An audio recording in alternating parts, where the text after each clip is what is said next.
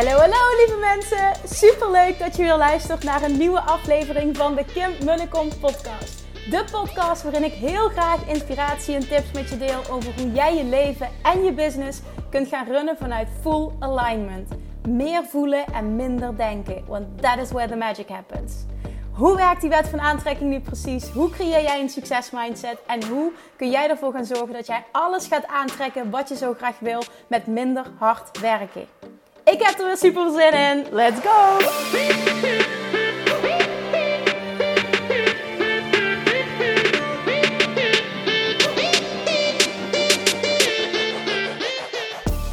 Hey, hey, hey! Welkom back! En oh man, ik heb zo'n, zo'n, zo'n mooi interview voor je vandaag met Jacqueline Lokhorst. En dit is een ontzettend mooi verhaal, want ik had de week voor ik Jacqueline interviewde, had ik eh, voor ineens inspiratie. Ik zou zo ontzettend graag voor deze podcast iemand willen interviewen die haar eigen gezondheid geheeld heeft. Die haar eigen lichaam geheeld heeft door middel van de kracht van de mind. Door middel van de kracht van de wet van aantrekking. Ik geloof daar zo sterk in. Maar ik ben zelf nooit zo enorm ziek geweest uh, dat ik vond dat ik de, de juiste persoon was om dit te teachen. En op dat moment had ik een gesprek met Jacqueline en dat ging over haar bedrijf oorspronkelijk. En uiteindelijk kwamen we uit op haar verhaal. En wat zij me toen vertelde, Jacqueline heeft namelijk um, um, als, heel, uh, als klein kind zijnde, heeft zij een bot- en bindweefsel uh, aandoening uh, gekregen.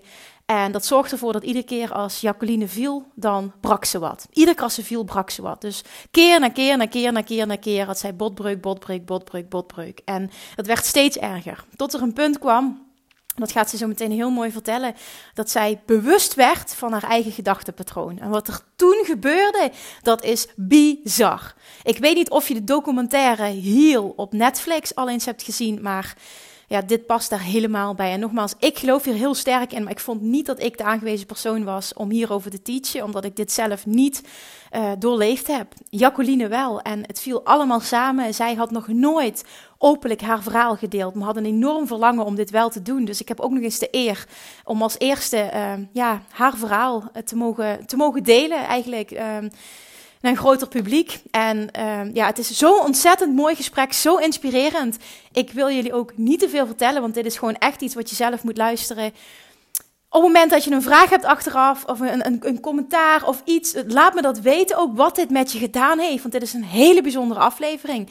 En dat je ook gaat beseffen hoe je je eigen verhaal kan herschrijven op alle gebieden in jouw leven. Dit gaat zoveel verder dan geld en ondernemerschap. En jouw lichaam, jouw gezondheid is de basis van alles. En op het moment dat dat gezond is en jij voelt de kracht dat jij daar zelf alle invloed op hebt, dan, dan gebeurt er echt iets met jou als persoon.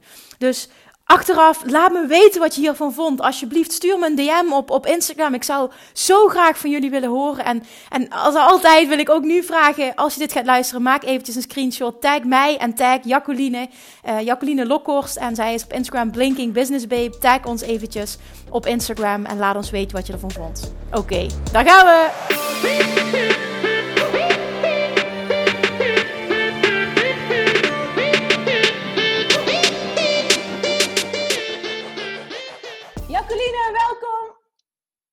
Dankjewel. ja, superleuk dat je er bent. Ja. Ik uh, wil beginnen met jou een aantal algemene vragen stellen. As always doen we dat op het moment dat ik een, uh, iemand interview voor deze podcast. Algemene vragen, dat een beetje ja, wat meer over jou te weten komen qua achtergrond. En uh, daarna wil ik gewoon met jou deep dive in jouw inspirerende, bijzondere verhaal. Ja, superleuk. Leuk. Ja? ja Oké, okay, dan, dan beginnen we. En dan ga je het eerste wat in je opkomt, dat is je antwoord. Yes. Oké, okay. waar ben je opgegroeid? Uh, nou, ik ben geboren op Texel. En um, verder, toen ben ik op mijn zesde verhuisd naar Veenendaal. En daar woon ik nu nog steeds. En hoe ver is dat van elkaar? Um, heel ver. Ja, wel hè? Ja, ja best wel ver. Um, ja, mijn, uh, mijn ouders hadden heimwee naar het vasteland. Dus die, uh, die besloten weer terug te gaan. Ja. ja, je ouders zijn dus ook niet geboren in, uh, op Texel? Nee, Nee, die zijn er echt gewoon zomaar heen gegaan. Uh, leuk plan. ja. Oké, nou, dus waar woon je nu? Dat is dan duidelijk. Veenendaal, ja. Ja, Veenendaal. En is er een plek waar jij een hele fijne herinnering aan hebt? Binnenland, buitenland? Ben je ergens geweest waar jij, wat voor jou heel bijzonder was? Ehm, nou, ik heb heel, best wel bijzondere plekken gezien. Ehm, vorig jaar zijn, we, zijn mijn vriend en ik drie maanden of drieënhalve maand eigenlijk eh, op pad geweest door uh, Europa. Oh, wow. En eigenlijk springt daar voor mij uh, Albanië uit. En het was eigenlijk heel bizar, want wij zaten in Macedonië, in Skopje. En wij besloten om met een local te gaan rijden naar Tirana. Want we hadden gehoord dat, um, dat locals zich aanboden om um, ja, mensen dus te transporteren met hun eigen auto.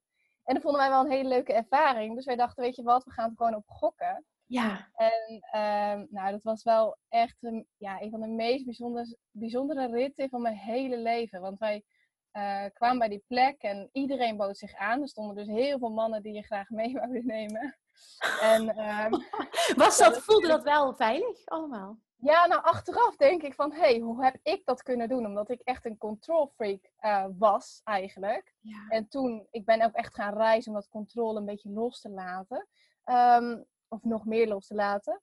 En nou ja, toen hebben we dat gewoon gedaan. Maar ik denk ook, ik voelde me veilig. Mijn vriend was bij me. En als ik alleen was, had ik het nooit gedaan. Ja. Um, maar we stapten gewoon in en uh, we wisten helemaal niet wat we konden verwachten natuurlijk. En uh, uiteindelijk bleek dat die man dus een beetje Duits kon. En die had in de Duitse mijnen gewerkt. Ah. En, een paar jaar. En nou, hij was opa en hij liet zijn, zijn kleinkinderen zien. Nou, het was heel bijzonder. En toen kwamen wij Tirana, of ik bedoel Albanië ingereden. Maar reden door de bergen heen. En toen kwam je gewoon terug in de tijd. Mensen op een ezel, uh, vrouwen die met de hand ploegen, um, ossen voor zo'n uh, voor een ploeg. Het was echt super bizar gewoon. Dat meen je ja, dat is, oh, wat, wat ja. bijzonder dit. Ja, dat is echt heel bijzonder. Ik had het ook nooit verwacht dat je dat daar vindt. En um, dat is echt wel een van de mooiste herinneringen, vind ik. En ook gewoon, ja, ja heel bijzonder. Ja, zeker. Oké. Okay. Oh, dit is wel mooi wat jij zegt. Want inderdaad, op het moment dat er nog iemand is die zegt, ik wil daarnaar toe, dan raad je ook echt aan om deze rit te maken. Nou ja, eigenlijk wel. En uh, nou ja, qua veiligheid raad ik het aan. Ja, ja je hebt je niet onveilig gevoeld. Nee, ik heb me bij die man zeker niet onveilig gevoeld. Um, maar ja, ik denk dat je ook wel goed moet voelen bij wie je instapt. Ja, ik denk ja, ook, er zit ook wel zo'n gut feeling van als het niet Klopt. goed voelt, dan weet ik ook altijd zelf heel sterk. Dan Klopt. doe ik het ook echt niet. Dus, en je vriend ja. was erbij natuurlijk, hè? Ja, ja precies. Ja, zeker. Ja, Oké, okay. dankjewel. Wat is jouw favoriete quote, als je die überhaupt hebt? hebt? Um, oh, even denken hoor. Mijn favoriete quote. Nou, ja, ik vind quotes sowieso heel mooi um, en inspirerend. Maar ik denk echt, ja, wat je, what you focus on, you attract. En um, natuurlijk in de positieve zin. Maar we vergeten denk ik misschien wel vaak van dat je dat je, je vaak uh, bijvoorbeeld focust op je omstandigheden waarin je leeft. Maar daardoor maak je omstandigheden groter. Mhm. En dus je problemen groter. En dat um, is voor mij een van de grootste inzichten eigenlijk geweest, denk ik, van mijn leven. Dat je, um, dat je constant eigenlijk, um, dat ik mij constant focuste op mijn grote problemen. En ja, daardoor dan trek je alleen maar meer problemen aan. Dus, en nu gebruik ik het helemaal in de positieve zin. Maar juist dat stukje dat ik het eerst andersom gebruikte, is zo bijzonder. Ja, dit, dit, ik, ik ken jouw verhaal. Dat gaan we zo meteen ook ja. gaan we dit, dit, dit, dit vertellen. We gaan het hierover hebben. Maar dit is ook de reden ja. waarom ik jou ontzettend graag wilde interviewen. Want ja, dit is, dit is gewoon letterlijk law of attraction. Hoe jij hebt ervaren ja. tegen je werkte continu. En toen je daar bewust van werd, hoe je het hebt omgedraaid. En dat het nu continu voor je werkt. Ja, precies, precies. En um, het gewoon inderdaad echt van... Ja, laat je omstandigheden je leven niet bepalen. En dat doe je door dus de focus juist er niet op te leggen. ja. Ja, mooi. Ja, ja dankjewel. Mooi. Daar gaan we zo meteen ja. veel dieper op in. Super, ja, leuk. Wat is jouw superpower? Oh, uh, mijn superpower. Dat is een uh, vraag. Ja, ja, dat is een interessante ja, dat vraag. Is een, dat is een interessante en, en grote vraag ook. Um, nou, wat komt er in me op? Wat komt er in je op? Ja.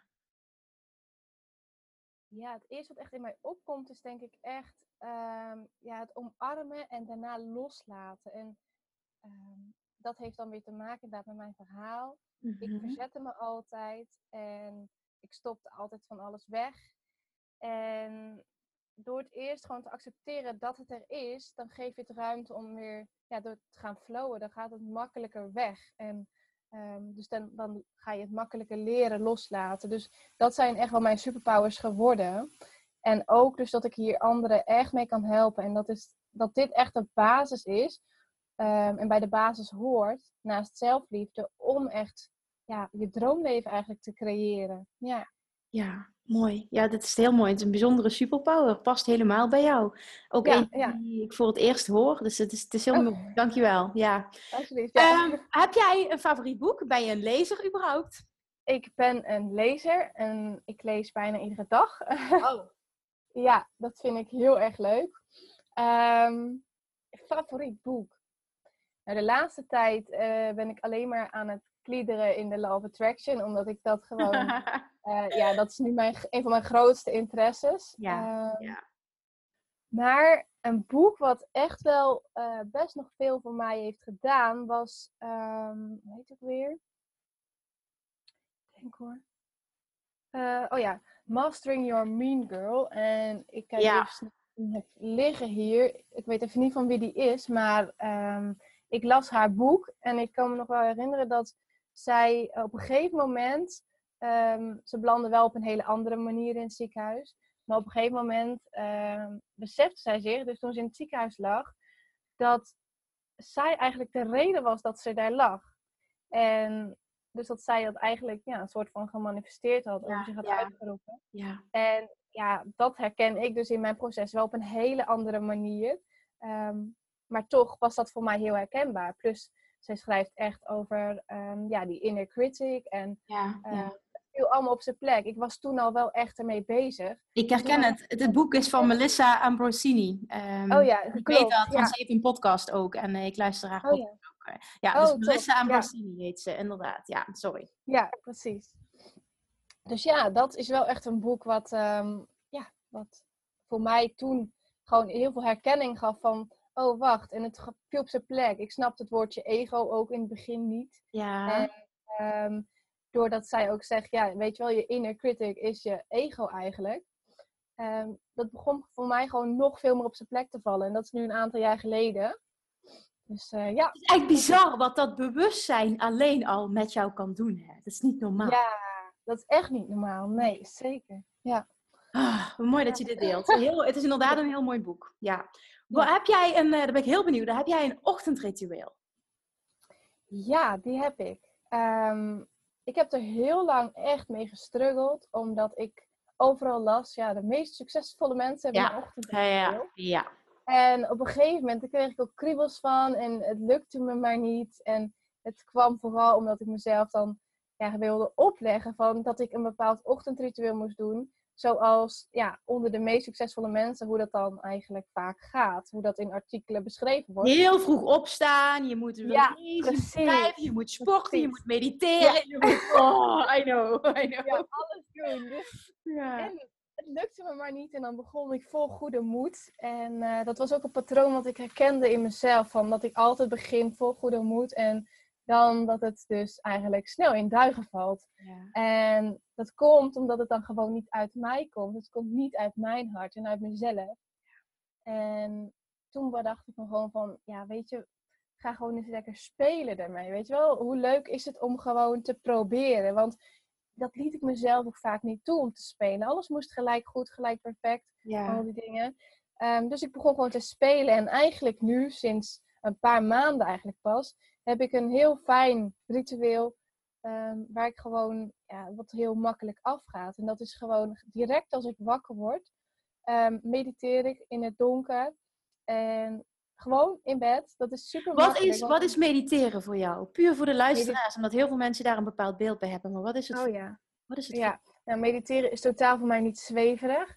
Um, wat mediteren is voor mij echt om mijn staat van zijn te beïnvloeden. Omdat um, ik ben een ochtendpersoon, maar elke ochtend, zodra ik wakker word, dan zit er een soort emotionele blokkade altijd in mijn hoofd. Um, gewoon met toch wel, ja, eh, of belemmerende gedachten over die dag of wat dan ook. Het zit gelijk eigenlijk vol. Ja. En door dan te, een, ja, ik doe altijd guided, want dan heb je de keuze in of ja, alleen muziek. Ja, of, uh, Hoe doe jij dat? Heb jij een bepaalde app die je kan aanraden? Um, nee. YouTube of ik, wat doe je? Ik uh, download gewoon um, eh, dingen van, van meditaties van internet die mij gewoon aanspreken en die Ja. vernieuw ik dan af en toe. Oké, ja. Ehm, en dan past er ook vaak gewoon, ik heb gewoon een rijtje en de ene keer past dit en de andere keer past dat. ja. Dus de ene keer is het echt om, om bij liefde te komen, maar de andere keer is het vooral voor het loslaten. ja, ja. Ehm, en ehm, ja, ook gewoon leg jezelf niet een, een 30 minuten meditatie op. Ik Ja. doe altijd op 10 minuten, 15 minuten, dat is lang zat. En hoe ziet En- mediteren voor jou eruit? Wat doe je dan? Ja, je op een bepaalde manier zitten of wat doe je? Dat is heel verschillend, want als ik, ehm, dat is gewoon wat ik voel. Als ik denk van, ik lig gewoon nog in bed en ik doe mijn oordopjes in en ik ga gelijk mediteren. Dus een guided meditatie, dat helpt me heel erg om die focus steeds op dat ene ding te leggen. Mhm. En daardoor, ehm, ja, die blokkades, die, die verdwijnen daardoor eigenlijk. ja, ja. Ehm, en het ook va- vaak gewoon liggend, want waarom zou je moeten zitten in... Nee, klopt, klopt. Ik doe het ook liggend. Ja, op die manier. En ehm, soms doe ik het wel. En ik heb ook een meditatiekussentje. Dus dan doe ik het wel gewoon op het kussentje. Maar ehm, het is echt gewoon, wat voelt er nou goed? En laten we niet in die hokjes denken van, Ja, oh, dit ja. is zo. Ja. En ook de ene keer, dan denk ik eh, van bijvoorbeeld de meditatie heeft totaal geen zin. Omdat eh, ja, mijn gedachten alle kanten op vliegen. Maar dat is ook het hele doel, weet je wel. Er zit geen doel aan mediteren. En eh, dat, ehm, dat is denk ik ook, was bij mij mijn grootste misvatting. Gewoon van, oh ja, dan moet je niks meer denken. En dan ehm, ja, eh, moet je dus echt een stil hoofd hebben, een leeg Ja, hoofd. Maar hoe ja. doe je dat nou? En het gaat niet om het hoe, het gaat echt om het ervaren. En ja, met een guided meditatie kan je dus echt luisteren naar wat diegene zegt. En daardoor, ehm, ja, echt die ene... Ja, maar dat is al mediteren. Hè? Je kan gewoon Ja. in bed liggen, je kan naar iets luisteren en dan ben je al aan het mediteren. Dus het, is, het wordt vaak veel groter gemaakt dan dat het is. Precies, yes. Ja, Ja, goed dat je dit, Dus, dat je dit nou, uitlegt. Ja, dus meditatie dan. Ehm, en aan het eind van de meditatie, dat doe ik eh, nu sinds een paar weken, dan sluit ik de intentie die ik, die ik zet echt in mijn hart, heel bewust met mijn focus. En dat is heel grappig, want ehm, dat heeft voor mij veel meer effect eigenlijk. Ehm, daarvoor dan zet ik wel een intentie, maar dan schreef ik hem gewoon op papiertje.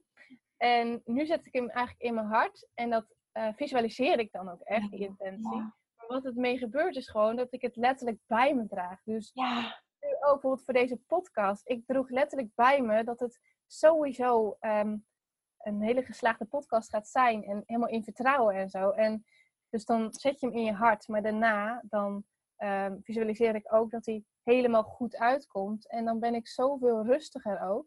Dus dat heeft voor mij heel veel effect. Ehm, en verder eh, schrijf ik mijn dankbaarheid iedere dag. Dus ehm, Dat schrijf je op. ja, tien, Oké. tien dingetjes. Oké. En de ene keer op papier en de andere keer eh, in mijn telefoon. Eh, Ja. ja. Ja. en dan ook soms heb ik dagen dat ik niet mediteer. Dan merk ik het direct en dan denk ik van, oh ja, weet je, ehm, je verdient het ook gewoon te mediteren. Dus doe het nou gewoon wel weer. En dan merk ik ook dat het weer beter gaat. Dus Ja. het heeft heel veel effect en het gaat nu ook heel vrij. Ja, Niet fijn, wat goed. En ook dat je heel duidelijk zegt van, nou, ik heb van alles geprobeerd, maar uiteindelijk eh, heb ik mijn weg gevonden door juist mijn eigen pad te bewandelen en naar mezelf te luisteren. En daar geloof ik ook enorm in. Dat, er zijn Ja. zoveel voorbeelden inderdaad, wat als ook zoveel groepen wordt door hele succesvolle ondernemers inderdaad, doe dit en doe dat, maar er is niet one way to go, Nee, one way, right way. Dus Ja. het is inderdaad echt supergoed dat je dit ook nog eens benoemt. Ja, dankjewel.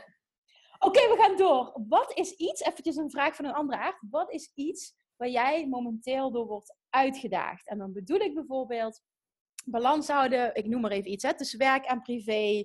eh, iets op relatiegebied, iets op, iets op gezondheidsgebied, voldoende me-time kunnen pakken. Ehm, ja, snap je dat? Ja. Is er iets wat, wat, wat bij jou speelt, waar je van weet van dan moet ik, ja, daar word ik door uitgedaagd, daar moet ik mee bezig blijven? Ehm, zeker. Het is echt voor mij, wat ik nu merk, is. ehm, ik, we komen er zo op, maar ik ben dus heel veel ziek geweest. En de laatste paar weken ben ik dus weer echt aan het kwakkelen. En ik begon te bedenken van, hé, hey, wat is dat?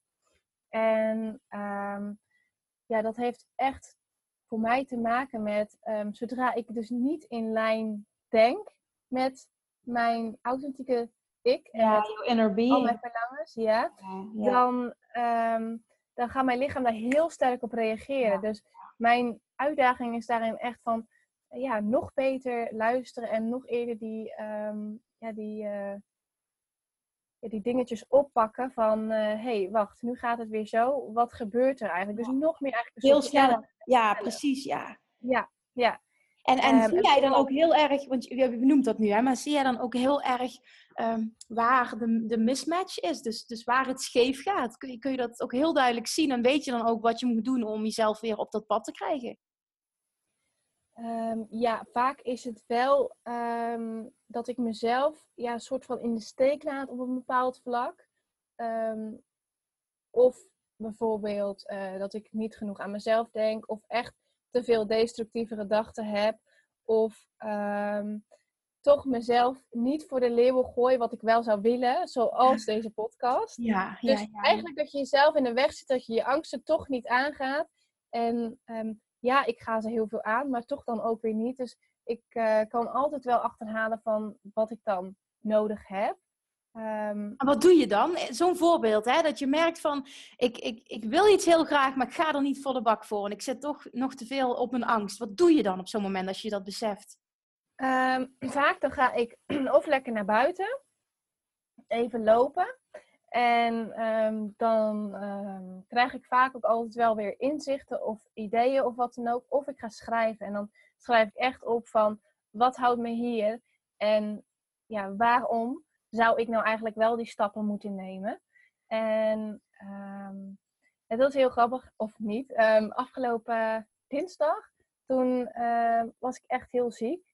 En dat kwam omdat ik constant dacht, oh, ik ga die podcast afzeggen. Ik ga hem echt afzeggen. Nee, het is nu mijn tijd niet hoor, om het te delen. En zo zat ik maar. Wat meen je terwijl, terwijl ik Terwijl ik elke dag super blij was van, oh ja, 7 maart is de podcast opnemen.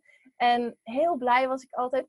Uh, totdat dinsdag, afgelopen dinsdag, toen dacht ik, nee, dat zie ik niet zitten. En um, wie ben ik nou? Dus in één keer kwam ja, dat oude patroon helemaal terug. Of even, dan komt hij even de kop opsteken. Dat heb ik wel eens. En um, toen werd ik echt ziek. En toen heb ik echt overgegeven. Oh, dat meen je niet? Ja, echt, echt. Maar dat is nu, wat ik dus heb gemerkt, is dat het juist waarschijnlijk mijn kracht gaat zijn. Om zodra er iets niet lekker voelt in mijn lichaam, dat ik weet van, hé, hey, misaligned. En dat besef ik me nu des te meer ook. Want een tijdje terug, een paar weken terug, in de week dat um, jij me dus uh, vroeg voor die podcast opnemen. Ja. Toen uh, waren er ook, was ik ook één dag heel ziek geweest. En dat kwam weer door een andere reden, kan ik zo wel iets over vertellen. Um, maar dus dat is dus echt wel, um, ja, dat mijn lichaam dus ja, mij in die zin al, uh, hoe heet het? Ja, heel duidelijk, heel duidelijk teruggeven ja, wanneer je fout, precies. Ja, fout is een stom woord, maar wanneer je niet inderdaad aligned bent. Ja. Precies. En eerst was het dus echt wel mijn grootste omstandigheid en belemmering, dat ziek zijn. En nu kan ik het juist steeds meer gezien van, hé, hey, het wil me iets vertellen. En uh, hoe mooi is dat? Dus het is inderdaad, de uitdaging is echt van, ja, nog meer leren luisteren ja. en het oppakken.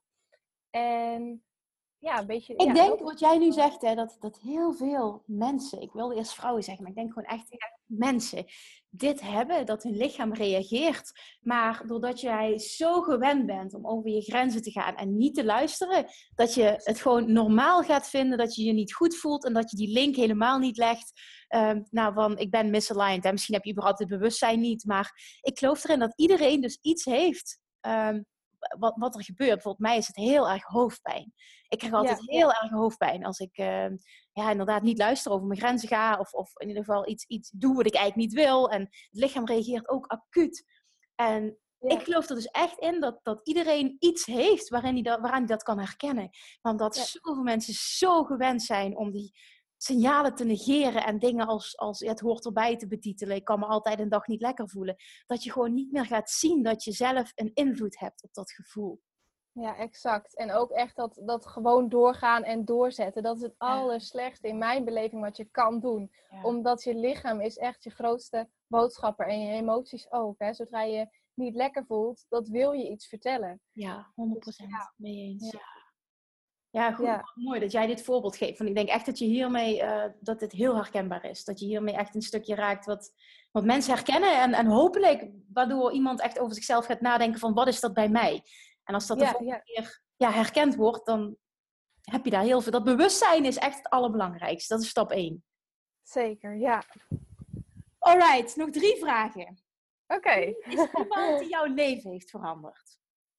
Is er iemand die mijn leven heeft veranderd? Ja, is er Ehm. iemand die jouw leven heeft veranderd? Even denken. Ja, specifiek. ehm, nou, uiteindelijk heb ik altijd in mijn leven wel een persoon overal gehad van die op dat moment heel veel betekende. En op elke school was het wel één docent. En, ehm, maar die de laatste jaren ja, is altijd mijn onvoorwaardelijke steun geweest. Dat is echt mijn vriend. En ehm, ja, die heeft me door, eh, echt door diepe dalen zien gaan. En eh, ja, en ook echt dus nu grote hoogtes. En dat vind ik ja, super mooi. En die heeft Ja. je altijd onvoorwaardelijk gesteund. die heeft me altijd onvoorwaardelijk gesteund. En ook altijd gezegd ehm, ja, dat ik hier was echt wel met een grotere reden. En ja, door hem ben ik dat ook wel echt gaan zien. En Meen je dit? Dat jouw, jouw, part- jouw man, jouw vriend, die heeft dit tegen jou gezegd altijd al? Die heeft het altijd al gezegd. En Oh. die zei ook altijd van... ehm, ja, mijn droom was ook altijd om te gaan coachen. Dus, en dat, dat, dat riep ik toen al. Ook toen ik op het diepst zat. En hij, zegt ook, hij zei toen altijd al van... Dat ga je ook gewoon doen. Ehm, en hij heeft wel altijd, hij heeft altijd vertrouwen gehad in mij. In het geloof. En het is ook een heel leuk verhaal. Want wij hebben bij elkaar in de klas gezeten. En we waren gewoon hele goede vrienden. En toen later is het pas iets geworden.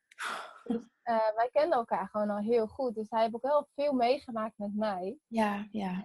Ehm, ja, ook qua ziekte dan. Dus ehm, ja, het is gewoon heel bijzonder dat, dat, hoe ver we zijn gekomen, maar ook de ontwikkeling. Want als je kijkt naar het begin en naar nu, dan ben je eigenlijk ja, een totaal ander mens. En eh, ja, dat is gewoon heel bijzonder. En jullie ja, zijn nog steeds samen en dat zegt echt wat jullie relatie. Jullie samen Zeker. gegroeid zijn en niet één persoon. Zeker. Ja, mooi. precies. Ja. Wauw, oké. Nu eventjes over jou. Wat is een grote droom die jij hebt? Oeh, een grote droom die ik heb. Ehm, nou, ik heb hele mooie dromen. Ehm, Noem eens sowieso. de grootste. Een, een enorme, enorme grote droom, wat, wat tegelijkertijd ook voelt als een, als een uitdaging. Ja, ja. Ehm, nou, enorme grote droom. Dat is echt om op een heel groot podium, dat is dan echt een grote droom, op een heel groot podium te spreken. Ja, motivational speaker. Jij doet het ook, jij wilt ook heel graag en bent heel Ja. hard op weg. Ja. Super tof. Ehm, maar dat is echt een van mijn allergrootste dromen. En tegelijkertijd, ehm, ja, het is een, een hele grote uitdaging voor mij. Want ja, je baseert je hè, vaak automatisch je heden op je verleden. En ehm, ik heb altijd ervaringen gehad dat ik dichtsloeg en zelfs ging huilen met presenteren. Dus, ehm, en nu weet ik ook gewoon, oh ja, want daar, daar reageer ik dus ook heel sterk op lichamelijk. Dat eh, ja, mijn keel gaat dichtzitten, mijn maag draait om, ik word misselijk, ik ga zweten. En dat is gewoon zo erg mind-body connectie eigenlijk. Ehm, Zit daar de angst voor afwijzing eh, achter? Even denken. Ik denk dat het, ja, is denk ik wel de angst voor afwijzing. En ook echt ehm, dat wat ik te vertellen heb, dat dat niet goed genoeg is, denk ik. Dat zit er denk ik diep in. Omdat, dat ga je zo meteen dan wel horen in het verhaal. Maar ehm, dat stukje van dat ik niet gehoord werd en gezien werd, dat ehm, heeft er wel echt, ja, is er gewoon ingeslopen, ingesleten van jongs af aan. En ja, dat komt, dat, dat, dat heeft zoveel effect, denk ik, op, eh, op dit stukje presenteren en, en jezelf voor een groep gooien. Ja, want het komt erop neer wat jij nu zegt, hè, dat je niet goed genoeg was en dat dingen niet lukten. Dat is dat je dus continu ook afgewezen werd door. Precies, precies. En dat Ja. het is heel normaal dat je dit dus voelt, maar ik vind het wel Ja. heel mooi dat je die droom wel hebt en dat je ergens voelt. Want daar geloof ik heel erg in. Jij kan een bepaalde droom, een bepaalde wens niet hebben als jij niet diep van binnen zou weten en zou voelen dat je wel in staat bent om het te bereiken. Anders kon je de inspiratie en de ideeën Ja. niet krijgen. Ja, heel mooi dat je dat zegt, want dat, geloof ik ook echt. En hoe vaker ik het lees, hoe meer ik denk ook van yes. Ook als ik denk aan het spreken op een podium. En, eh, ja, en ook gewoon echt, ja, ehm, ja, ongeveer 16 plus eh, mensen, jongeren gaan inspireren om echt eh, ja, een leven te gaan creëren. ehm, ja, en niet voor de, de alcohol en de drugs te gaan. Nee, ik, ja, ik snap wat je bedoelt. Ja, dat je inderdaad mensen gaat leren hoeveel controle dat ze eigenlijk hebben. Overal. Ja, Ja. ja, en dat je ook niet jong genoeg eh, kan beginnen en niet het komt later wel. Want het is nu, hè. het leven is nu, niet later. Ja. Ja, en daarin is het heel mooi op het moment dat er meer voorbeeldfiguren komen die, waar, waar, waar, ja, snap je, die een bepaalde rol aannemen. Ik denk dat er ook veel onbekendheid is nog bij die doelgroep. Zeker. Want toen ik zo oud was, wist ik het ook niet. Ik wist het allemaal niet. Wist ik het maar, dan had ik niet zo in de Ja. gezeten zo lang. Maar ja, het is ook weer Klopt. allemaal ergens goed voor geweest. Dus, Klopt. hè? Oké, Ja, laatste. Waar ben jij vandaag dankbaar voor? Want dat doe je elke dag. Wat heb je vanochtend opgeschreven? Ehm, nou, ik ben echt altijd heel erg dankbaar voor de kleine dingen. Dus en voor mij zijn het hele grote dingen.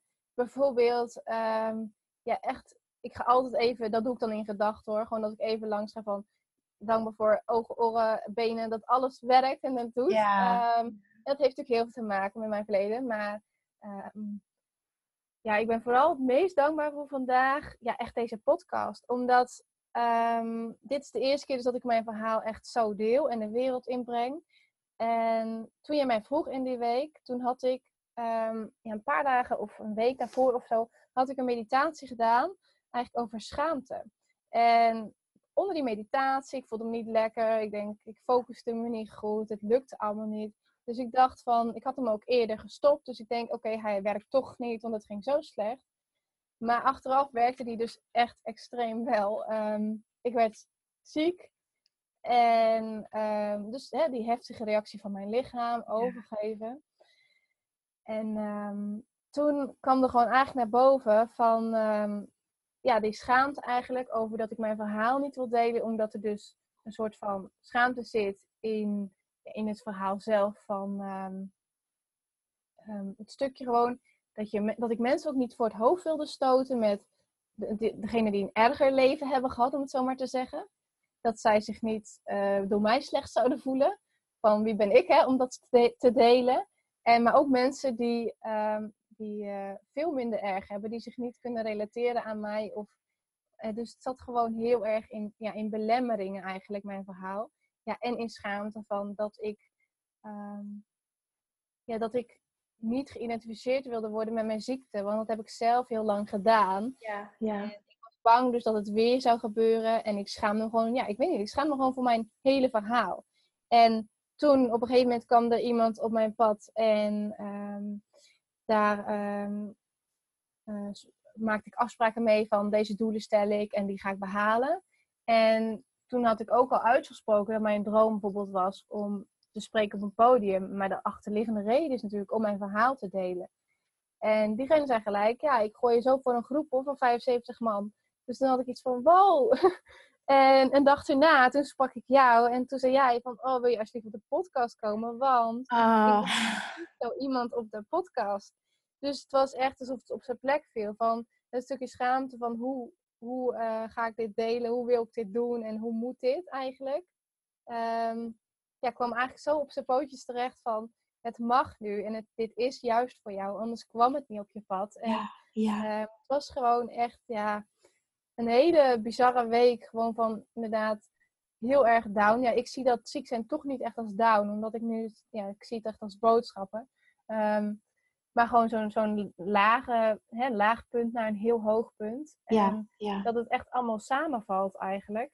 En daarna, daarnaast had ik constant gevraagd van eigenlijk van hoe kan ik dit nou de wereld inbrengen of wat voor manier of wanneer. Ja, En ik weet dat hè, wanneer de right time is altijd nu. Het was eigenlijk gisteren, maar dan nu.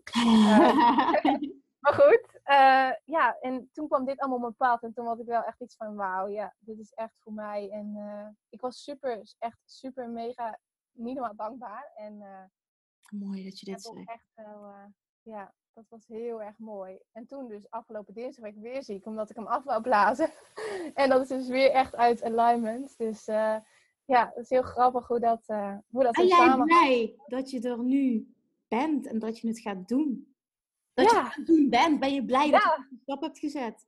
ja, super blij. En ik, ik voel me ook gewoon helemaal rustig. En ehm, ja, dat, eh, het is gewoon, het is echt goed zo. En dit is echt zoals het moet zijn. Ja, Zo, fijn. Dat vind ik echt fijn om te horen, want het kwam inderdaad heel mooi samen die week. Uh, ja, dat, dat, dat heb ik jou toen ook verteld. Ik, uh, ik had de week daarvoor, had ik echt gedacht, ik zou zo graag iemand willen interviewen die um, lichamelijk, op lichamelijk vlak iets extreems heeft gedaan. Uh, om, om, ja, dat zijn leven eigenlijk helemaal heeft veranderd. En, en zijn gezondheid terug heeft gekregen. Omdat ik in Amerika iemand volgde die, um, ja, die dus eigenlijk bijna met, het, met hetzelfde heeft geworsteld. En het is zo'n inspirerende man. En ik dacht, oh, er moet ook echt iemand zijn in Nederland die ditzelfde heeft meegemaakt. Wat zou ik daar graag een interview mee doen? Maar ik had geen idee wie. En toen sprak ik jou. Uh, dat kwam zo uit en toen vertelde jij jouw verhaal. En toen dacht ik, dit is niet normaal dat dit nu samenkomt. Ja. En, en ja, ik moest je dan natuurlijk ook vragen en je zei meteen ja. En ik ben ook blij dat we hebben doorgezet. Maar het, het is bizar hoe het allemaal, uh, ja, ik geloof dat is in, dat is weer zo'n voorbeeld Law of Attraction. Maar hoe het ja. dus continu ook allemaal uitkomt. Dus het moet echt zo zijn. Het is goed dat je er bent. Zeker, ja, dankjewel. Oké, okay, maar nu ben ik echt, ja, ik ken je verhaal. Ik denk dat mensen nu echt denken, oh my god, vertel, wat, wat, wat, wie ben jij? wat wat, wat drijft jou? Ja, zou je alsjeblieft willen vertellen uh, wie jij bent, wat je doet en wat jou drijft in het leven? Zeker. Um, nou ja, ik ben dus Jacqueline en um, ik ben, uh, ik zal gewoon beginnen eventjes met um, ja, de ziekte, dus die, die mij uh, ja, toegeschreven is eigenlijk, dat is osteogenesis imperfecta. En het wordt steeds een bredere categorie eigenlijk, wat, ze, wat ze ontdekken eigenlijk in Nederland dan. Um, er, is een, uh, er is echt een poly voor ook. en de meeste mensen die je tegenkomt, die dit hebben, die zitten echt in een rolstoel. En die hebben hele erg wow. ja. afwijking aan de buitenkant. En ik weet nog niet heel lang dat ik dus deze ja, deze ziekte echt uh, op deze manier heb. Omdat uh, ja, er waren heel veel onderzoeken voor nodig. En ook omdat het niet zo obvious is bij mij. Um, en ik heb het gewoon in een, in een net wat andere vorm dan, dan de meeste eigenlijk. Ja. Ik heb eigenlijk dus niemand in Nederland eigenlijk die het heeft eigenlijk zoals ik. Um, en um, ja, sinds twee weken weten we nu ook echt dat mijn oma het heeft. Dus het is echt familie, um, familie iets. Oké. Okay is wel zo dat uh, bij mij zijn de grootste ja, symptomen echt geopenbaard. Ik heb de meeste botbreuken dus gehad. Het is een uh, ja, bot- en bindweefsaandoening. Ja, precies. wat is het? Dat is het, hè? Een ja, bot- en ja.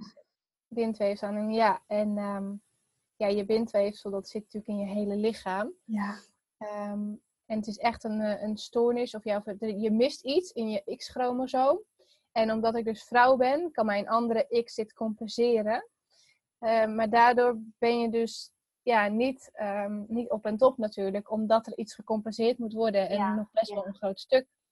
En, um, en je moet natuurlijk wel dan nagaan, als, je dan, als ik dan een jongen was geweest, dan um, was het XI. Dus ja, dat compenseren, hoe dat dan had, zich had geopenbaard, dat weet je niet. Alleen, maar hoe, hoe uh, uitzicht dat, jouw ziekte? Kun je een beetje beschrijven wat voor klachten jij allemaal had? Ja, zeker. Um, nou, kijk, ik had dus deze ziekte, dat wisten we niet. Um, wel had ik altijd um, heel veel last van instabiliteit en zo. En ik ben dus extreem hypermobiel. En dat hoort ook echt bij dit ziektebeeld dan. En daarnaast hebben we dus best wel een ja, verminderde boldichtheid. Dat hoort er dus ook bij. en hoe het zich echt openbaarde was... kijk, het is niet zo. Sommige mensen die hebben dat echt. Hè, als je niest, dat je iets breekt. Ja. En bij mij, ik moest er wel echt voor vallen. En uh, het openbaar zich dus... Ja, zeker dan nog. het openbaar zich... Um, het begon op mijn vierde levensjaar. En um, eigenlijk in mijn puberteit was het het allerergste. Het meest heftigste. De, ook meest heftige, de meest heftige breuken. En... Dus als jij viel iedere keer, dan brak jij wat? nou, op zich, ik viel sowieso vaak. Ik was echt wel zo'n pechvogel die vaak viel. Hm. En dan brak ik niet per se wat, maar ik hoefde maar, ja, iets harder terecht te komen eigenlijk en dan brak ik wat. Dus dan, als je het zou vergelijken, als iemand anders dezelfde val zou maken, die zou het niet breken en ik wel. Ja.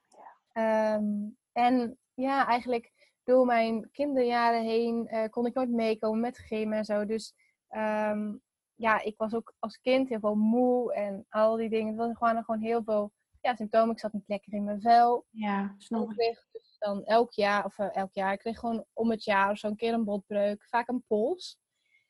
En later werd dat pas echt wel, uh, wel heel erg. In, uh, toen ik ja, wat ouder werd juist. Toen was het juist iets van, ja, nou moet het overgaan.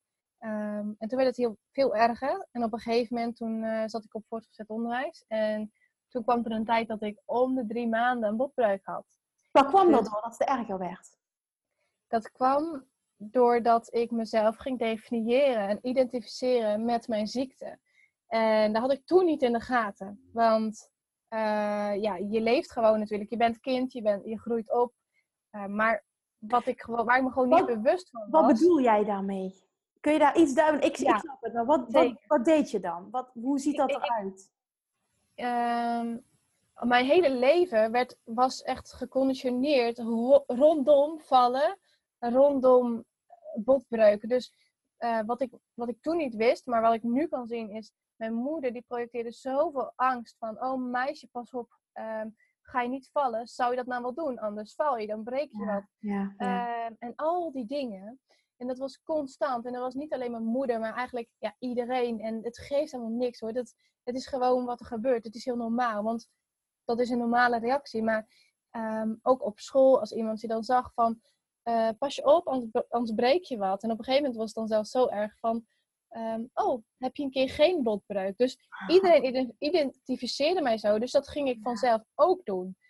Um, en daardoor, um, ja. ja, ik was mijn ziekte. En mijn hele leven was dus gebaseerd rondom die ziekte. En als je dat gaat doen, ja, dan ga je daar dus inderdaad zoveel focus en aandacht op leggen dat je alleen maar meer gaat aantrekken. Dus dat is echt de reden waarom het vermeerderd werd. Ja. Uh, en, en, eerder was dat bij jou niet zo. Die focus lag niet zozeer uh, op die manier op die ziekte. Dat werd erger na verloop van tijd. Ja, het werd erger, want uh, kijk, vroeger was ik wel altijd een, ja, dus inderdaad een pechvogeltje. En ik, ik brak dan wel echt steeds mijn pols. Bijvoorbeeld heb hem volgens mij twee of drie keer echt met skileren gebroken gehad als kind. En dan uh, twee keer zelfs op echt precies dezelfde plek buiten op straat. Ja. En dat was, als ik dan nu terugkijk, dacht ik ook van, oh ja, ik reed vol angst naar dat heuveltje toe. En ik denk van, en ik dacht al van, oh, ik ga vallen.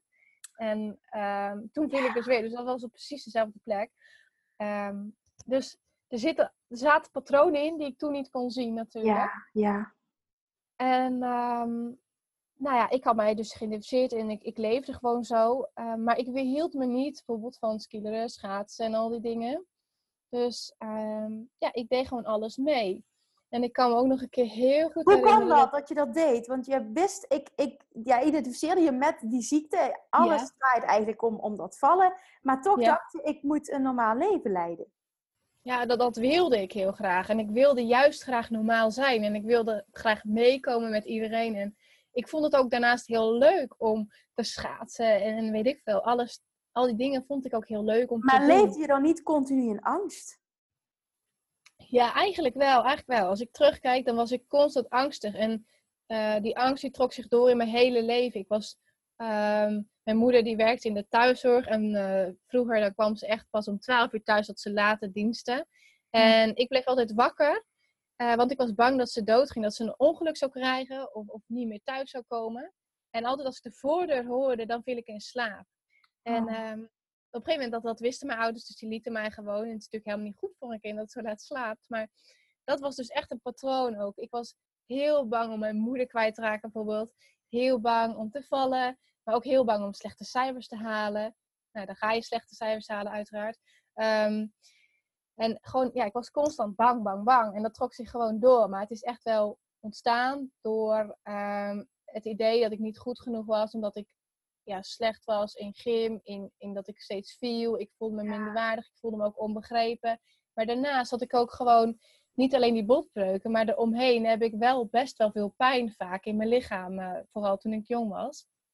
En ik had altijd hele dikke enkels en hele dikke knieën vol met vocht. En ja, wat moest je ermee? Ze wisten het niet. Dus er waren altijd heel veel belemmeringen daarin. Dus ja. En, en toen, hoe ging dat verder? Um, even denken hoor.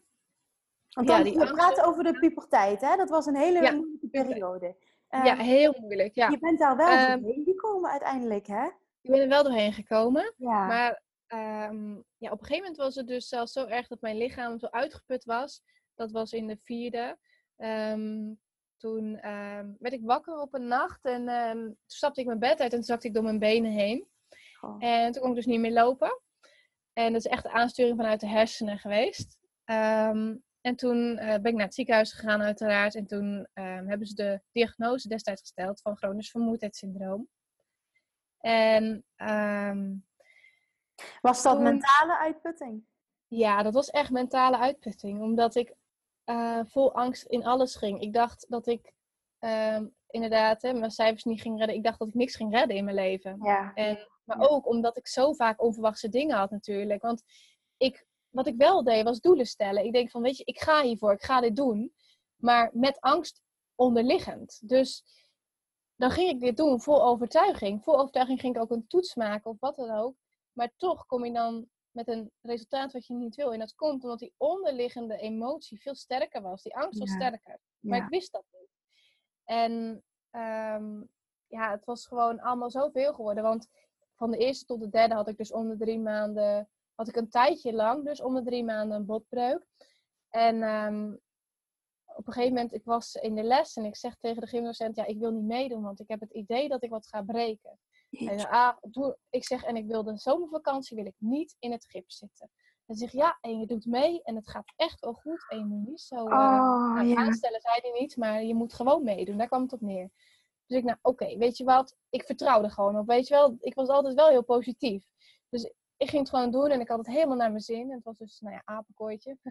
Ehm, en uh, nou, de bel ging. Dus iedereen moest komen. En ik denk, oh, kijk, niks gebroken. En ik spring van, van zo'n uh, grote hangende mat af. Ja, en ik breek mijn enkel. Nee. Ja, of uh, mijn voet volgens mij. Ja, het was mijn voet. En um, nou, daar zat ik dus, hè, zes weken lang. in het gips. Maar um, ja, dus dat was ook weer uitgekomen. En het was ook gewoon later, toen kon ik dus inderdaad terugkijken naar al die botbreuken. En ik heb ze verwacht. Ik voelde het in elke vezel in mijn lichaam wat ging gebeuren. Mijn moeder zei het al voordat ik naar school fietste van... Eh, pas je op met geen, want anders zit je in de vakantie. En ik was van, oh ja, shit. Uh, oh nee, dat mag ik zeggen, maar... pas je op. Ja, ik, uh, ik was gewoon vol angst. En um, dus ja, dat, uh, dat was wanneer, echt wanneer kwam die realisatie? Wanneer kwam er voor jou een shift? Um, dat kwam even denken. Ja, dat kwam echt rond mijn 15e, 16e. En ik heb niet een exact moment, want het is echt gegroeid. Want ik uh, las heel veel verhalen van mensen die dus ziek waren en die alles hadden veranderd en een heel ja, blij leven leefden en een droomleven hadden. En dan dacht ik, wauw, en, uh, maar dat wat wil ik ook. En oh, dat kan ik waarschijnlijk niet. Zo zat ik wel echt. Uh, maar wel met hoop. Dus, ehm, en zo is dat echt wel een tijdje even gegaan. En ik kwam heel vaak de quote tegen van, of, of een, eh, een, stukje tekst eigenlijk, van dat je ja, jezelf, hè, dat jij verantwoordelijk bent voor je leven. En inderdaad, dat wat jij nu hebt, dat je dat echt hebt gemanifesteerd. En dat heb jij gedaan. En dat vond ik heel moeilijk. Om, En de eerste paar, nou niet, niet de eerste paar keer, maar gewoon ja, de eerste honderd keer heb ik het gewoon weggegooid. Dat ik echt dacht van, nee, dat is niet waar. ik wil dit toch niet? Ja, ehm, dat is ook zo. Hè? Ik heb het niet gewild. Maar omdat je erop focust, dan ga je het manifesteren. En ik focuste me zo op, op angst, op misgaan, op, op botbreuken, dat je dat gaat manifesteren. Dus, ehm, maar goed, dus op een gegeven moment, toen durfde ik dat steeds meer onder oog te gaan zien. Ik werd daar in die zin comfortabel mee van, oké, wacht. En als het nou zo is, wat kan ik daarmee doen? Ja, ja.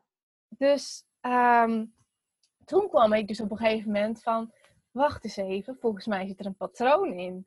En dat ging echt allemaal niet van een leien dakje hoor, die realisaties. Dat, dat, dat ging echt met horten en want het is nogal wat hè, wat je, wat je nu zegt. Zeker, wat je, wat je durft te omarmen. Ja. ja. Ja. en ook op die leeftijd hè. Ik bedoel, ja, zo, zo, moeilijk. En op dat moment, ehm, toen dat in gang werd gezet, wist ik het nog niet. Maar toen ging pas mijn heftigste en meest pijnlijke botbreuken krijgen van mijn hele leven. Dus het is niet zo dat zodra je bewust wordt dat het dan per se beter gaat. Maar het is echt zo van, uh, dan begint het spelletje pas eigenlijk. Ja, en, en, als je het kunt shiften, dan houdt het pas op, hè? Niet de realisatie. Ja, ja, ja, ja. Precies. En dat shiften, daar mag je zelf tijd voor geven. Dus ja. um, de eerste keer dat ik wat brak, dacht ik uh, echt iets van, oh, zie je wel, dat werkt allemaal niet en, uh, en dat gaat allemaal niet goed. En toen brak ik voor de allereerste keer dus mijn knie ging uit de kom en die brak ik. Oh god, ja. Um, dus ja, dat is echt ontzettend pijnlijk. Ehm, en eh, dat was ook weer heel heftig. Ik moest revalideren en eh, het was gewoon allemaal gedoe natuurlijk. Ehm, en toen was ik dus net weer een beetje ja, op orde eigenlijk. Ehm, en uh, ja, ik denk ongeveer na de revalidatie, nog geen jaar later, brak ik weer die knie. En, um, dezelfde knie? Dezelfde knie. Die ging weer uit de kom en die brak ik weer. Oh. Dus um, ja, en de eerste keer gebeurde dat dus met, uh, met sport. En uh, de tweede keer gleed ik uit. Oh. Uh, maar het is wel heel bijzonder, want die avond toen ik uitgreep, toen had mijn vader nog gezegd, die bracht me weg. En die zegt van, pas je op, doe je voorzichtig, zorg, zorg je dat je niks breekt. Ik zeg, nee joh, natuurlijk niet. En ik had toen, ook als ik me nu kan herinneren, had ik niet echt angst. Maar toch heeft dat dus weer impact gehad, ja eigenlijk, um, ja, dat ik Je geeft wel weer aandacht aan het breken op dat moment. Precies. Ja. Precies. En die allereerste keer, toen zat ik op school en toen uh, vroeg iemand gewoon naar mij, die was gewoon geïnteresseerd, dus ik zeg ja en... Uh, nou ja, ik heb wel eens wat gebroken gehad, bla bla. We praten er gewoon over. En toen zei hij van, nou haha, als je vanavond iets breekt, vandaag iets breekt, dan mag je me bellen. Nou, die avond, je raadt het al, of die middag, je mijn knie gebroken. Ja, het is niet dus normaal. Hè? Maar dit even, even eh, los van de omstandigheden. Gewoon wat jij ja. schrijft, de aandacht die je daaraan geeft, dat is al voldoende om het te manifesteren. En ik wil niet dat nu iedereen gaat denken van, oh, als ik een keer een foute gedachte heb, dan uh, komt er misschien meteen. Dat is het niet. Het gaat niet. ook om uiteindelijk uh, wat het gevoel is. Plus, kijk, bij jou was dat lijntje al zo sterk, want dat was al heel vaak gebeurd. Dus je hoeft er maar één keer aan te denken en hoppakee, het gebeurt weer. Dus uh, dat is ook iets om, om te realiseren. Het is echt niet zo, ik denk een keer wat, wat, wat ik niet wil en ik moet bang zijn dat het meteen gebeurt. Helemaal niet. Nee. Wel zo, in dit geval bij jou, het was zo sterk en het, het was zo vaak voor jou al waarheid geworden. Dus in jouw hersenen, dat lijntje was zo sterk dat het niet anders kon dan meteen uh, manifesteren. Daar komt het eigenlijk op neer. Ja, en je moet ook wel nagaan dat, het, dat een manifestatie, zo'n manifestatie, dat is toch wel een, een, eh, een lang proces hoor. Dat in de weken daarvoor ben ik ook al waarschijnlijk angstig geweest, heb ik dingen gedacht. Ja. En dat is echt zo, want um, en ik kan me nog wel herinneren op die avond, toen gleed iemand uit. En toen dacht ik nog, oh gelukkig ben ik het niet, want dan breek ik iets. Weet je wel? Dus ja. Um, het zijn allemaal dingen die uiteindelijk leiden tot, ja. Precies, het is echt niet één gedachte. En um, heel af en toe word ik nog wel bang, denk ik van, oh wat als ik nu weer wat breek. Maar nu heb ik iets van, oh ja, dan breek ik iets. Er zit echt niks meer aan vast. Er zit geen slechte emotie aan vast. En um, dat is gewoon hoe, hoe doe jij het? Dat, dat, is, dat is wat iedereen wil. Hoe doe jij dat? Want jij bent eigenlijk, wat is, wat, dat teach ik dus ook, en dan vooral nu op dit moment ondernemers op het gebied van geld. Op het moment dat jij namelijk iets kan doen, uh, ergens op kan focussen, zonder dat jij um, attached bent, echt verbonden bent met de ja, uitkomst. Ja. ja. Dan, hoe doe ik dat? Ja, hoe doe jij dat? Want het is, die shift heb ik dus ook echt uh, enorm gemaakt. Maar hoe doe jij dat? Hoe heb je dat gedaan? Ja, het is, nou, wat ik sowieso wil zeggen, het is echt een proces. En geef jezelf vooral de ruimte om dat proces aan te gaan. Want het gaat niet vanzelf. En bij mij is dat een heel lang proces geweest. En dat betekent niet dat dat bij iedereen zo is. Uh, maar geef jezelf vooral heel veel ruimte. En bij mij is het echt um, eerst begonnen met, ja, echt eerst accepteren dat jij je realiteit creëert. Dat is niet altijd leuk, maar dat is wel zo. Ja. En we gaan altijd nare dingen hebben, of tenminste, ja, toch hè, niet helemaal fijne dingen hebben in ons leven. Ja, ja. Uh, en ook dingen waar je geen controle over hebt. Uh, maar dat je dat dus echt leert accepteren. En doordat je het gaat accepteren en doordat je echt heel bewust eigenlijk tegen jezelf zegt van oké, weet je, dit mag er gewoon zijn. Dit is helemaal niet erg. Dan haal je de emotie eruit. De lading, ja, precies. Ja, ja, ja, ja, ik snap het. En, ja daarna is het tijd eigenlijk dus om weer los te laten. Dan, dan uh, kan je het ook laten gaan, want dan, dan dient het je niet meer. Hè? Want uh, botbreuken, dat dient mij niet meer. Dit heeft mij echt al heel veel geleerd. Dus ik heb dit niet meer nodig om nog meer te leren. Zo zie ik dat. Um, en uh, door, de, door dus echt, ja, door acceptatie kan je leren loslaten. En dat leren loslaten, daar moet je niet mee beginnen. Omdat ik dat ook heel vaak deed. Dacht, dacht ik van, weet je wat, uh, ik vertrouw gewoon, ik ga het gewoon doen. Maar zo werkt het niet, want dat onderliggende, dat moet eerst aangepakt uh, worden. Aangepakt worden. En um, dan was er nogal bij mij een heel groot iets. Ik heb altijd mijn gevoelens weggestopt. mijn emoties. Ik was echt wel eens een keer verdrietig of boos of wat dan ook. Maar dat was altijd oppervlak. En met botbreuken huilde ik eigenlijk nooit. En dat is natuurlijk heel merkwaardig. En dat is ook heel gek. Dus ik kon ook nooit een pijn uh, ja, indicatie, indicatie geven. Sorry. Ehm, dus dat was voor mij heel moeilijk om aan te geven en zo.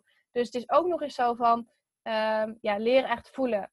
Van, en leer dat ook echt omarmen. leer al je gevoelens omarmen. En geef de ruimte voor. Alle gevoelens mogen er zijn. Dus positief manifesteren, laat me zeggen, fijne dingen manifesteren, betekent niet dat je je emoties wegstopt. Juist niet. Want dan gaat het juist weer ophopen. En geef alles de ruimte. En dan ga je leren loslaten. En ja, dan komt de ruimte om unattached inderdaad te zijn aan alles wat er zal gebeuren. Hè? Het maakt niet uit. Het is het is, goed. Daarom, het is, het, het, het, het, jij, uh, inderdaad, de uitkomst zorgt er niet meer voor uh, hoe jij je voelt. Het heeft geen invloed meer op uh, of jij je succesvol voelt, of je genoeg eigenwaarde voelt. Of het, ja. ja dat, dat is het. Dat is het. En dat is precies, ja, sorry. Ja, ja, nee, maar niet Maar en het is ook van, ik identificeer me er niet meer mee. Hè? het is niet meer mij. Ja, dat is, maar dat is het allerbelangrijkste. En dat is het stap 1 bewustzijn. En dan daarna kun je inderdaad die stap zetten op het moment dat je ziet dat je het doet. Uh, heel mooi dat je dit nu vertelt. Ik wil heel even op inhaken. Gisteravond gaf ik een groepscursus voor uh, Nooit meer op dieet. Ja. En uh, de cursus, de, de, het liep heel anders dan uh, dat ik had gepland, maar dat had zo moeten zijn. En we kwamen erop dat ehm, het verhaal dat jij jezelf vertelt, het verhaal dat jij hebt met voeding, met je lichaam, met, met waar identificeer jij je mee? Zijn we helemaal de diepte ingegaan, tot echt tot tranen aan toe. En ja, toen kwamen de diepste overtuiging naar boven. En dat was bijna bij iedereen hetzelfde. Ik ja, kan bizar. niet blijvend afvallen. Ik kan überhaupt niet afvallen. Ik kan niet mijn uh, droomgewicht bereiken. Dat zit er niet in. Dat, dat, zij identificeerden zich zo met te dik zijn. En, en op het moment dat je die, dat je die zo sterk hebt, hè, dan ga je onbewust alles doen om iedere keer het resultaat te saboteren. Dus wat je dan ook aanpakt qua verandering van voeding of beweging, het heeft op een lange termijn geen zin, want je gaat altijd terug naar datgene waar jij je mee identificeert. En dat is het dik zijn. Ja, exact je komt altijd terug bij, bij wie je bent in de kern, wie jij denkt te zijn. Denkt te zijn, dat, is, dat zeg je. Niet wie je bent, maar inderdaad wie jij denkt te zijn. Wat jij, exact. Ja, de identiteit die jij hebt aangenomen, om wat voor reden dan ook. Ja. Ja. Dit is zo goed dat jij dit zegt. En datzelfde geldt ook voor ondernemers met bepaalde geldblokkade. Op het moment dat jij de, on, de onderliggende, diepgaande, diepgewortelde overtuiging hebt. Ik kan niet succesvol zijn. Ik zal nooit een grote spreker worden. Uh, ik ben geen goede coach. Ik, kan, ik snap je, ik heb nooit voldoende geld. Het, het kan zo breed. Ja, het kan op allerlei manieren kun je het voelen. Maar op het moment dat dat erachter zit, zul jij zien dat welke strategie dat je ook maar toepast, dat je steeds terugkomt op je eigen waarheid. En dat is het Zeker, verhaal wat jij jezelf vertelt. Ja. Het is zo mooi dat jij dat kan vertellen uit ervaring op het gebied van gezondheid. En ik weet dat dit misschien heel hard klinkt voor heel veel mensen. Van ja, wat zeg je nu eigenlijk? En zeg je nu eigenlijk dat ik het me allemaal zelf aandoe? Zo moet je het zien. Want je kan het omdraaien en denken van... Oh, ik sta er eens voor open om het op die manier te bekijken. En dan meteen ook te denken... Wauw, dus dat betekent ook dat ik de controle heb om mijn eigen gezondheid te beïnvloeden.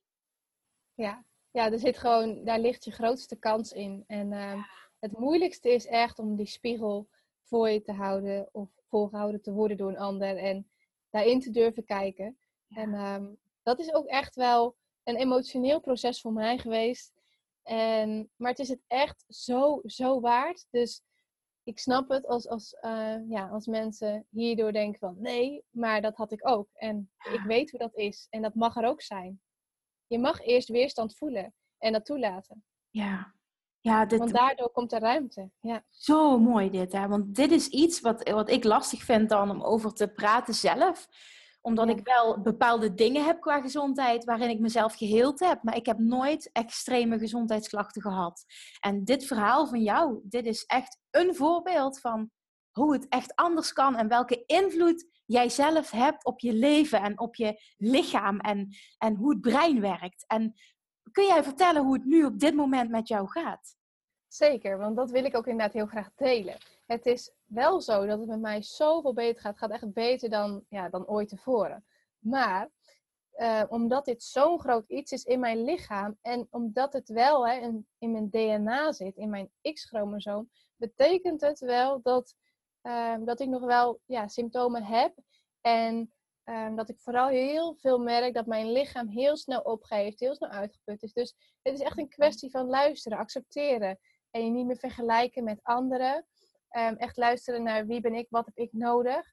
Ja. En ehm, echt, echt, echt scheid hebben aan wat hoort of wat mensen verwachten of wat mensen willen of al die dingen. Of wat jij van jezelf verlangt, hè? daar ook scheid aan hebben. Want het allerbelangrijkste is dat je echt naar je lichaam luistert, naar wat heeft het nodig. Want zonder je lichaam kom je echt nergens. Nee, dat is zo. Ehm, dat is zo. Dus, dus en eh, het gaat echt voor mij veel beter. En nu zie ik ook inderdaad sinds de laatste paar maanden wel echt van ja, het laatste half jaar ongeveer van eh, dat als ik nu ziek ben, dat het mijn boodschapper is. ja. En dat dit dus echt een kracht is nu van mij. Aan het worden echt. Het is echt hè, in de making. Ehm, en dat vind ik onwijs gaaf. Ehm, maar dat betekent ook dat ik dus echt dagen heb, inderdaad, dat ik gewoon ziek ben. En dagen dat ik over mijn lichamelijke grenzen heen ga. Want Ja. dat voel ik vaak niet op het moment dat ik het doe, maar de dag erna. Dus het is echt een soort spelletje wat je speelt met jezelf. ja. En het echt proberen om het zo, ja, zo speels mogelijk in te zien van eh, er is geen goed of fout. En ehm, weet je wel, dan ga je, zodra je echt die, ehm, ja, die, die goed en fout gaat weghalen, dan is het veel makkelijker om te gaan luisteren. En om ja, echt dichter bij jezelf te komen. ja, precies. Ja. Ja. En ook dit kun je weer doortrekken, ook naar en überhaupt het ondernemerschap. Ook daarin, ik, ik, ik geloof er zo in, dat de allergrootste de, de kracht zit in, in het luisteren naar wie jij bent als persoon. Wat voor jou werkt, in plaats van je continu te vergelijken met alles en iedereen. Die jij denkt, eh, dat die, die blijkt succesvol te zijn online. Snap je? Die, die jij volgt en denkt van, oh, die heeft het helemaal gemaakt. Ten, ten eerste kun je niet achter de schermen kijken hoe goed het nou echt gaat. En ten tweede, die persoon doet waarschijnlijk wat bij hem of haar past. En sta je daar niet blind op. Ga ook echt kijken naar wie ben ik en durf te vertrouwen op het bewandelen van je eigen pad. Ja, inderdaad. Helemaal waar. Ja. Ja, en het is ook een beetje dat zoeken van mensen. Zoeken heel erg naar wat is mijn intuïtie. Maar dat is gewoon, ja, in mijn beleving echt gewoon... Je, e- je emotie is bijna al je intuïtie. Omdat je emotie vertelt je zo ontzettend veel. Als je je goed voelt en blij voelt, dan zit je echt aligned. En inderdaad, zoek wat het. jou... Zoek Blij maakt. echt... Ja, inderdaad. Ja, En, dus... en wat, wat doe jij nu op dit moment? Hè, wat, hoe ziet je leven er nou uit? Ehm, nou, vooral eh, de laatste. Dus ik ben echt nu een half jaar wel bezig met mijn bedrijf opzetten. Met veel dichter bij mezelf komen en nog dichter bij mijn ja, emoties komen. Kijk, ik ben al zoveel verder, maar er zit nog meer in en dat vind ik zo mooi. Ehm, en ik geloof dat er altijd meer in zit. Ehm, dus ik ben heel erg bezig om ehm, ja, nog meer dicht bij mezelf te komen. Maar het was grappig, want toen ik eigenlijk mijn bedrijf begon, toen dacht ik van ja, het lijkt me heel tof om iedereen te inspireren om ook een bedrijf te beginnen eigenlijk. Omdat je daarin je passie kan leggen en je missie en in je vrijheid, in je onafhankelijkheid. Dus eigenlijk was ik daarop gaan voorbeduren en het voelde vaak, onderweg voelde het echt wel eens van, oh dit is het niet, maar wat is het dan wel? Nee, ik ga ja. toch voor. En ik bleef maar switchen. Echt, de ene dag dit en de andere dag dat. En Dat is, dat is echt killing om een, voor een succesvol bedrijf op te bouwen. Zeker. Maar ja, dat, ja, en toen, en toen. En toen, toen ehm, kwam ik in één keer tot de realisatie dat ik iets niet los wilde laten. En dat was waar ik al die tijd keihard aan had gewerkt. dat wilde ik niet loslaten. Ik had echt een, eh, ja, een roadmap ontwikkeld voor je bedrijf opzetten en al die dingen. En mijn website was ingericht. Alles was er eigenlijk ingericht. En toen dacht ik van, oh nee, dit is het gewoon echt niet. En ik had, had eerst aangekondigd van, Ehm, ja, ik ben gewoon life coach. En toen dacht ik van, nee, ik heb constant gewerkt aan start-up coaching, dus ik ga dat neerzetten. En nou, het was één zooitje eigenlijk. Ehm, en toen besefte ik me dus inderdaad, oké, nu moet ik dit loslaten. Het is echt een keer iets van wat ik gemaakt heb, wat ik los moet laten, was iets nieuws voor mij. En ehm, dus daar moest ik afstand van gaan doen en dat heb ik dan ook gedaan. En toen dacht ik van, weet je wat? Ik geef mezelf gewoon nu even ruimte van, om echt in te tunen van, weet je wel, wat, wat is het dan dat voor mij is? En eigenlijk Ja. wist ik het constant, maar wat me in de weg zat, was, ik wilde, op de een of andere manier vond ik het heel eng en moeilijk om dus dit verhaal allemaal te vertellen. ehm, wat ik allemaal dus heb meegemaakt en waarmee ik eigenlijk mensen wil helpen. Ja. Ehm, en vaak ligt je, je missie, je passie zo dicht aan je hart, inderdaad, aan wat je zelf hebt meegemaakt. Ehm, maar ik had iets van, nee, dit is het niet. En, en uh, ik weet niet dan hoe en wat. En misschien later, maar nu niet. Dus ik liet het steeds, ik stelde het steeds uit eigenlijk.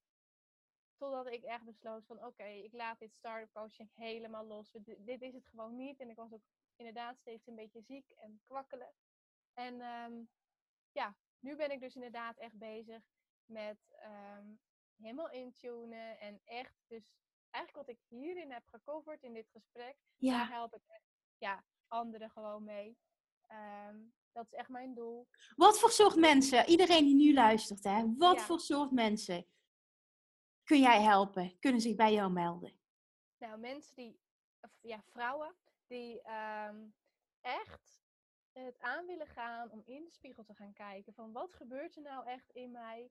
En um, ja, dat je eerste basis is gaat leggen van, vanuit zelfliefde, want dat is echt je leven is gebaseerd rondom je zelfliefde, want je handelt constant vanuit je eigen waarde in alles wat je doet. Mhm. Dus om echt fijne dingen te manifesteren eigenlijk en om een droomleven te creëren, zal je die zelfliefde moeten gaan ontwikkelen. Ja. En daar gaan we dus naar kijken, naar die zelfliefde. En naar alles waar je tegen verzet. Dus iedereen die heeft dingen waar hij zich, zich tegen verzet in zijn leven. En die heeft allemaal, iedereen heeft omstandigheden. Dus iedereen die zich vast voelt zitten eigenlijk. En die juist met die omstandigheden een droomleven wil gaan creëren. Want dat kan echt, hè? dat geloof ik, want dat, dat doe ik zelf. Het is heel mooi dat je dit nu zegt, dat het niet zo is van, hè, we moeten alles opruimen, maar je kan ook kijken, hoe kan ik het in mijn voordeel gaan inzetten en hoe kan ik mijn verhaal veranderen, ja. Exact. Ja. ja. Juist hand in hand. Ja. Dus iedereen die vastzit en die, die iets moeilijks heeft, en maar niet verder komt eigenlijk. Die help ik gewoon door te gaan omarmen. En dan loslaten met zelfliefde. En dan werk aan je mindset. Al je belemmeringen. Ja. En een stukje wet van de aantrekking. Omdat ik daar... Weet je, iedereen werkt al met de wet van de aantrekking. Maar gewoon onbewust. Dus waarom niet bewust gaan doen? Het is niet zweverig. Het is mooi. Het is goed. Dus ja, dat is echt. Ja, er zit zoveel kracht in als jij je bewust wordt van bepaalde dingen. En dat je ook de controle, dat je echt gaat voelen van ik heb de controle wel. Ook al heb ik die in het verleden nooit gepakt, omdat ik me daar niet bewust van was. Maar ja, dat is voor mij vooral gedaan. Het stukje enorm vertrouwen gegeven, doordat ik wist, ik kan het zelf beïnvloeden. Ook al ben ik misschien nu nog niet goed genoeg in dat sturen, ik weet wel dat ik het kan. En ik alleen kan dat.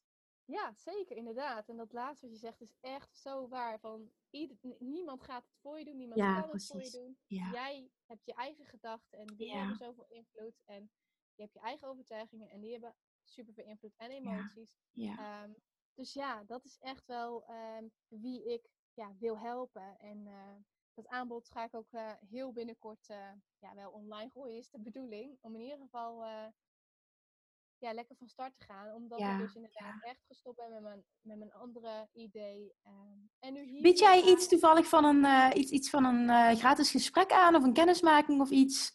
Ja, ik weet niet wanneer je deze podcast online zet. Maar um, ja, heel binnenkort, zodra de website weer open is, even helemaal een uh, restyling. Um, ja, dan ja. komen er ook gratis gesprekken. Ja. En kijken gewoon of je match bent en waar je mee zit en hoe we dat kunnen gaan aanpakken. Ja, ja, en waar kunnen mensen jou nu vinden? Want ik verwacht dat deze podcast vrij snel online komt. Waar kunnen mensen jou nu vinden als ze jou willen volgen, meer over jou willen weten?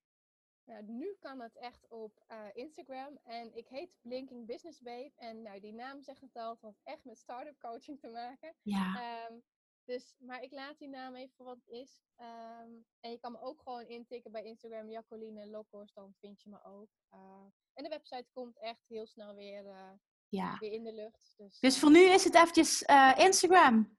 Ja, Instagram en... is even ja. Ja, precies. En als je nu inderdaad al voelt van, oh, ik denk dat, uh, dat Jacqueline uh, mij wel verder kan helpen. Ik zou super graag zo'n gesprek willen. Dan mogen ze ook op Instagram ook altijd een privébericht sturen, een DM.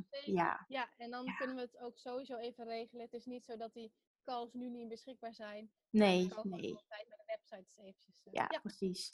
Ja. Wauw, wat, wat goed dit. En ook op het laatst dat je zegt van, nou, ik durf te luisteren naar naar mijn intuïtie en ik voel in alles dat dat businessstuk het niet voor mij is. Ik heb wat anders te doen en ik ga het veranderen, ik durf het. Hoe knap is dat? Ja, zeker. Ja. Oh, wauw. mezelf veilig houden door voor die business te kiezen en vooral... Ja, dan hoef je lekker je eigen verhaal niet te delen. Precies. Ja, ja. ja.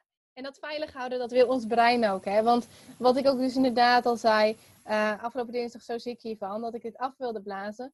Ehm, maar ook weer ziek om, uh, om dit te gaan vertellen en zo, weet je wel. Dus het, is, het heeft zoveel effect. En dan moet je gewoon echt denken van, maar wat is dan, waarom ben ik dan ziek? Want ik, kan ook, ik had ook kunnen zeggen, ik ben ziek omdat het echt niet voor mij is. Maar het is juist voor mij, ja. Ja, en dat is ook omdat jij diep van binnen weet dat dit je grootste verlangen is, maar ook je grootste angst. En hè, dan neemt dat stukje het over. En dat wil jij, precies wat jij zegt, het is ook normaal dat dat gebeurt. Want je lichaam wil altijd in een soort van staat van veiligheid brengen. En dit voelt weer even heel erg onveilig. Ja, ja inderdaad. Exact. Ja. Wat, een, wat een fantastisch waardevol gesprek dit. Je bent, ik ben zo blij dat jij op mijn pad bent gekomen, dat je dit hebt willen nou, ik geloof er echt in, hè, want ik weet heel veel ondernemers luisteren deze podcast, maar volgens mij ook een aantal mensen die geen ondernemer zijn en ook niet de ambitie hebben om een eigen bedrijf te starten. Maar daar krijg ik van terug, iedere keer toch haal ik er iets uit. En dit is gewoon echt de basis van hoe kun jij je eigen gezondheid beïnvloeden. Ik zal niet zeggen hoe kun je alles helen, die uitspraak ga ik niet doen, maar wel hoe kun jij zelf op een positieve manier je gezondheid beïnvloeden. Ja, ja, en ik denk inderdaad, je, je maakt zelf al steeds koppelingen naar, naar uh, het bedrijfsleven, naar het ondernemerschap. Um, ik denk inderdaad, er zit zoveel overlapping in. Want uh, je kan dit gewoon totaal betrekken van wat, wat, weer, waar heb je weerstand in je onderneming en hoe kan je dat gaan omarmen en loslaten. En vanuit zelfliefde je bedrijf runnen, al die dingen. Dus het heeft ontzettend veel overlapping en dat is eigenlijk op elk gebied, denk ik. Ja. Ja, helemaal mee eens. Echt, dankjewel. Is er nog iets, Jacques, ja, dat ik jou niet gevraagd heb, wat je wel had willen vertellen? Um, even denken hoor. Is er nog iets? Um, volgens mij, ik heb heel veel verteld. Oh, als het antwoord nee is, is het alleen maar goed, hè? Dus ik geef ja, alleen nee. de mogelijkheid als ik iets vergeten ben. Uh, nee, nee. Ik, uh, ik denk echt dat dit... Uh, dit was veel en het was echt helemaal zo helemaal gefloot. Dus het is helemaal goed zo, ja. Ja, dan wil ik je echt nogmaals ontzettend bedanken voor je openheid. En dat je überhaupt je verhaal deelt. Ik voel me super vereerd dat ik als de eerste mag zijn op deze podcast uh, waarin jij je verhaal deelt. Dat meen ik ook echt. Dankjewel dat je je veilig genoeg voelt om dit met mij te delen, maar ook met, met, met mijn volgers. Want dat, ja, dat, dat zegt toch wel wat over hoe jij daar tegenaan kijkt. Dus, dus dank je wel daarvoor. Dank je wel. Ja, jij bedankt. Ik vind het heel bijzonder dat ik inderdaad op jouw podcast uh, mag spreken. Dus uh, ook gewoon, ja, dat het zo, zo mooi op, het, op elkaars pad kwam. ja. ja, echt waar. Ja. Oké, mensen die meer over jou willen horen en, en vragen hebben en misschien wel willen kijken of jij ze kan helpen, alsjeblieft volg haar op Instagram. Uh, stuur Jacqueline een DM. Uh, daar staat ze hartstikke voor open. Je kan nu al een gratis call inboeken en dan uh, komt heel snel de website live. Ga je heel mooi aanbied, aanbod doen en ik weet zeker dat, dat wij elkaar nog een keer spreken. Dank, dankjewel. Doei doei! Doei! Lievertjes, dankjewel weer voor het luisteren. Nou, mocht je deze aflevering interessant hebben gevonden, dan alsjeblieft maak even een screenshot en tag me op Instagram. Of in je stories, of gewoon in je feed. Daarmee inspireer je anderen en ik vind het zo ontzettend leuk om te zien wie er luistert. En nog één dingetje. Voor alle gratis content die ik aanbied, zou je alsjeblieft één dingetje terug willen doen. En dat is, ga naar iTunes, zoek de podcast op, scroll even naar beneden en laat een korte review achter.